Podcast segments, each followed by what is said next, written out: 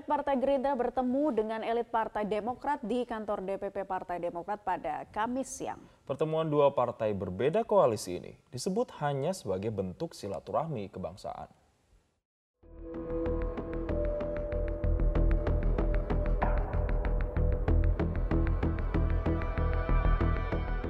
Sejumlah elit Partai Gerindra mendatangi markas Partai Demokrat di Jalan Proklamasi Menteng, Jakarta Pusat pada Kamis siang kemarin. Rombongan Gerindra dipimpin oleh Sekjen Partai Gerindra Ahmad Muzani dan kedatangannya diterima langsung oleh Sekjen Partai Demokrat Teguh Rifki. Sekjen Partai Gerindra Ahmad Muzani mengatakan ada beberapa hal yang dibahas dalam pertemuan Gerindra Demokrat tersebut. Salah satunya perihal sosok cawapres di Pilpres 2024 mendatang. Meski begitu, Ahmad Muzani membantah jika pertemuan Gerindra Demokrat ini diartikan sebagai godaan kepada Demokrat untuk berpaling dari koalisi perubahan untuk persatuan. Tidak bermaksud menggoda keputusan politik yang sudah diputuskan oleh Partai Demokrat.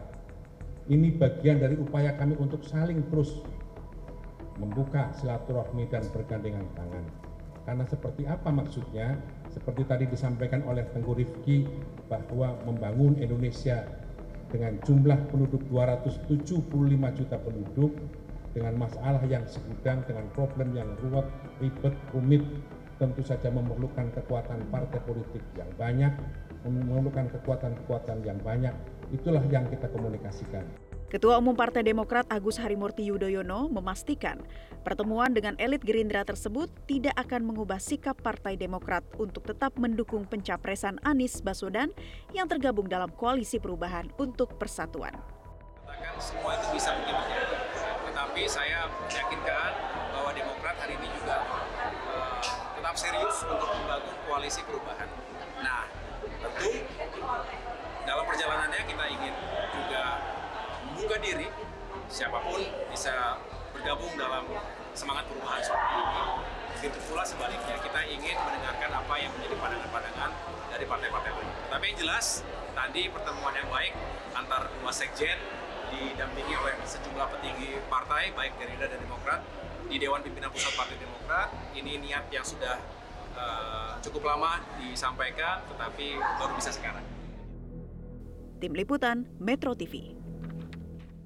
Pemirsa Komisi Pemilihan Umum menetapkan 823.220 tempat pemungutan suara atau TPS dalam gelaran pemilu 2024 mendatang. Hal ini ditetapkan dalam rapat pleno terbuka daftar pemilih tetap awal bulan Juli lalu. Jumlah TPS yang telah ditetapkan KPU untuk memfasilitasi para pemilih baik di dalam maupun luar negeri sebanyak 823.220. Komisioner KPU RI Betty Epsilon, uh, Epsilon Idrus menerangkan bahwa 823 ribu TPS tersebar di 514 kabupaten dan kota sekaligus berada di 128 negara perwakilan. Sebelumnya KPU menetapkan sebanyak 204 ribu 204 juta 807.222 daftar pemilih tetap yang bakal berpartisipasi dalam gelaran pemilu 2024 mendatang.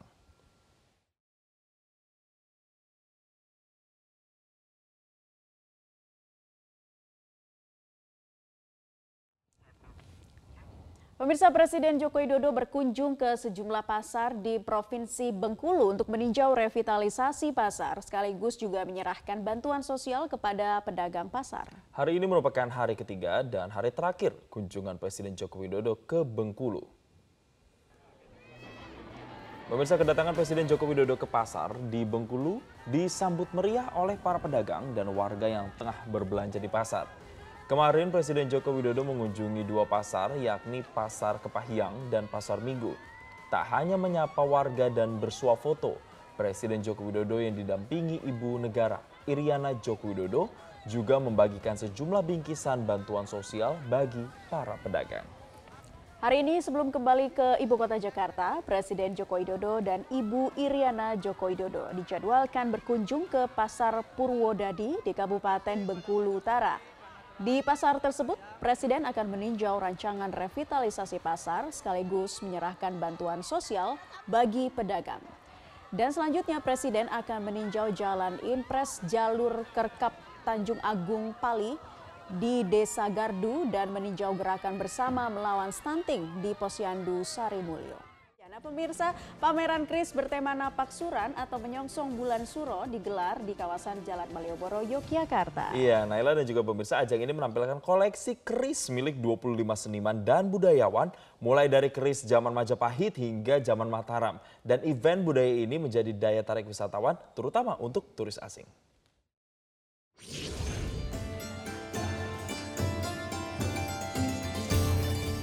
Keris merupakan salah satu kekayaan bangsa Indonesia, terutama di Yogyakarta, yang telah ditetapkan sebagai warisan budaya dunia dan diakui UNESCO. Untuk mempopulerkan sekaligus memperkenalkan keris kepada wisatawan, sebanyak 25 seniman dan budayawan menggelar pameran keris di salah satu pusat batik di kawasan Malioboro. Tema festival keris yakni Napak Surat, sebagai event budaya menyongsong bulan Sura atau Tahun Baru Jawa. Uniknya, koleksi keris yang dipamerkan merupakan koleksi pribadi dari para seniman, budayawan, hingga kerabat keraton Yogyakarta. Ini untuk kalian untuk menguri-uri budaya keris ya, karena sekarang untuk pengenalan keris itu kebanyakan yang nganu yang suka itu tua-tua. Kaum uh, sekaligus ke generasi muda milenial sekarang. Ya biar bisa untuk nguri-nguri budaya kita karena keris kan udah masuk ke UNESCO ya. Keris-keris tersebut di antaranya koleksi milik kerabat keraton GBP Hayudaningrat, budayawan Hamzah Sulaiman, Butet Kertarajasa, seniman Didik Ninitowo, Yati Pesek, Yuberuk, Marwoto, dan Baguse Ngarso, hingga Dalijo Angkring, serta seniman lainnya. Nah, pameran ini kan biasanya di tempat uh, galeri atau tempat-tempat yang khusus ya. Ini sengaja mungkin oleh pihak panitia didekatkan dengan masyarakat lewat anu, ke semacam toko yang dekat Malioboro yang strategis sekali. Harapannya nanti meningkatkan apresiasi yang berjenjang. Jadi tidak hanya sekedar teman keris tapi juga masyarakat umum. Pameran keris Napak Suran digelar sejak 17 hingga 23 Juli mendatang dengan beragam kegiatan edukasi budaya seperti membuat pendok dan demo meranggi atau menatah keris dan membuat sarung keris, prosesi jamasan keris hingga bursa keris.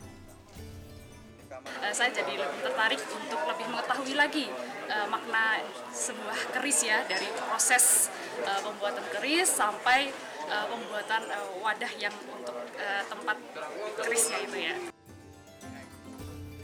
Bagi para penikmat keris maupun wisatawan, pameran keris Napak Suran tersebut bisa menjadi atraksi wisata yang cukup menarik di kawasan Sumbu Filosofi, terutama kawasan Malioboro. Selain itu, wisatawan juga mendapatkan edukasi mengenai keris yang menjadi kekayaan budaya bangsa. Peningkatan performa e-commerce TikTok Shop sempat memunculkan kekhawatiran dari sejumlah pihak terutama terkait regulasi. Pemerintah menyatakan tidak akan melarang TikTok Shop namun akan menyempurnakan regulasi perdagangan melalui sistem elektronik.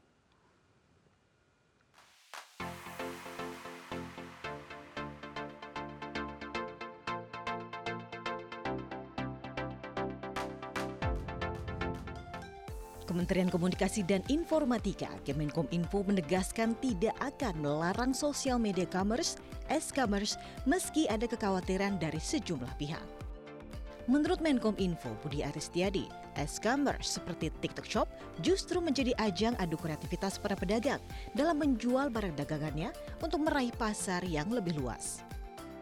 Selain itu, Budi Ari juga menilai metode penjualan di e-commerce masih berbasis komunitas, sehingga tak mungkin baginya untuk melarang hal tersebut. Memang gini loh, ini kan fenomena baru. Sosial commerce ini kan fenomena baru ya, di mana media sosial secara pribadi dipakai untuk transaksi ya. Walaupun saya, saya udah lihat kadang-kadang ada satu orang cuma bikin produk 10 biji 20 buah gitu kan dia mau pasarin ini kan modus apa praktek baru ya, perilaku baru. Nah kita mau ja, mau jaga ini gini loh, jangan sampai kreativitas masyarakat terhambat. Tapi di satu sisi juga kita juga nggak mau masyarakat kita harus lindungin, jangan sampai e-commerce ini jadi ajang penipuan. Direktur Jenderal Aplikasi Informatika Kemenkominfo Samuel Abrijadi menegaskan pengawasan yang akan diperketat oleh regulator adalah e-commerce yang difasilitasi oleh platform seperti TikTok Shop Namun Samuel juga mengimbau masyarakat untuk sangat berhati-hati dalam bertransaksi online agar terhindar dari penipuan. Terkait dengan uh, e-commerce ini ada dua ya harus dipahami. E-commerce yang difasilitasi oleh platform, ada e-commerce yang pribadi. Langsung aja uh, kayak orang jualan-jualan jualan lapak itu. Yang kita awasi adalah yang e-commerce yang ditawarkan atau difasilitasi oleh platform. platform. Itu itu masuk dalam uh, regulasi e-commerce juga walaupun dia e-commerce. Nah, yang untuk yang e-commerce pribadi-pribadi ini, inilah masyarakat juga harus jeli. Kadang-kadang mereka hmm. melakukan banyak karena uh, antara masyarakat tidak pembayarannya pun tidak melalui uh, platform. Itu itu yang uh, perlu masyarakat pahami dan selalu uh, check and recheck apakah orang ini trusted enggak. Kalau enggak nanti ketipu uh, yang lainnya. Untuk memperkuat pengawasan dan regulasi perdagangan di ranah digital, pemerintah pun kini menyempurnakan Peraturan Menteri Perdagangan Nomor 50 Tahun 2020 tentang perdagangan melalui sistem elektronik. Tujuan akhirnya adalah meningkatkan daya saing produk UMKM sekaligus pencegahan praktik perdagangan tidak sehat pada pasar e-commerce. Sejumlah usulan perubahan Permendak tersebut di antaranya pengaturan perdagangan melalui media sosial atau social commerce dan transaksi lintas negara.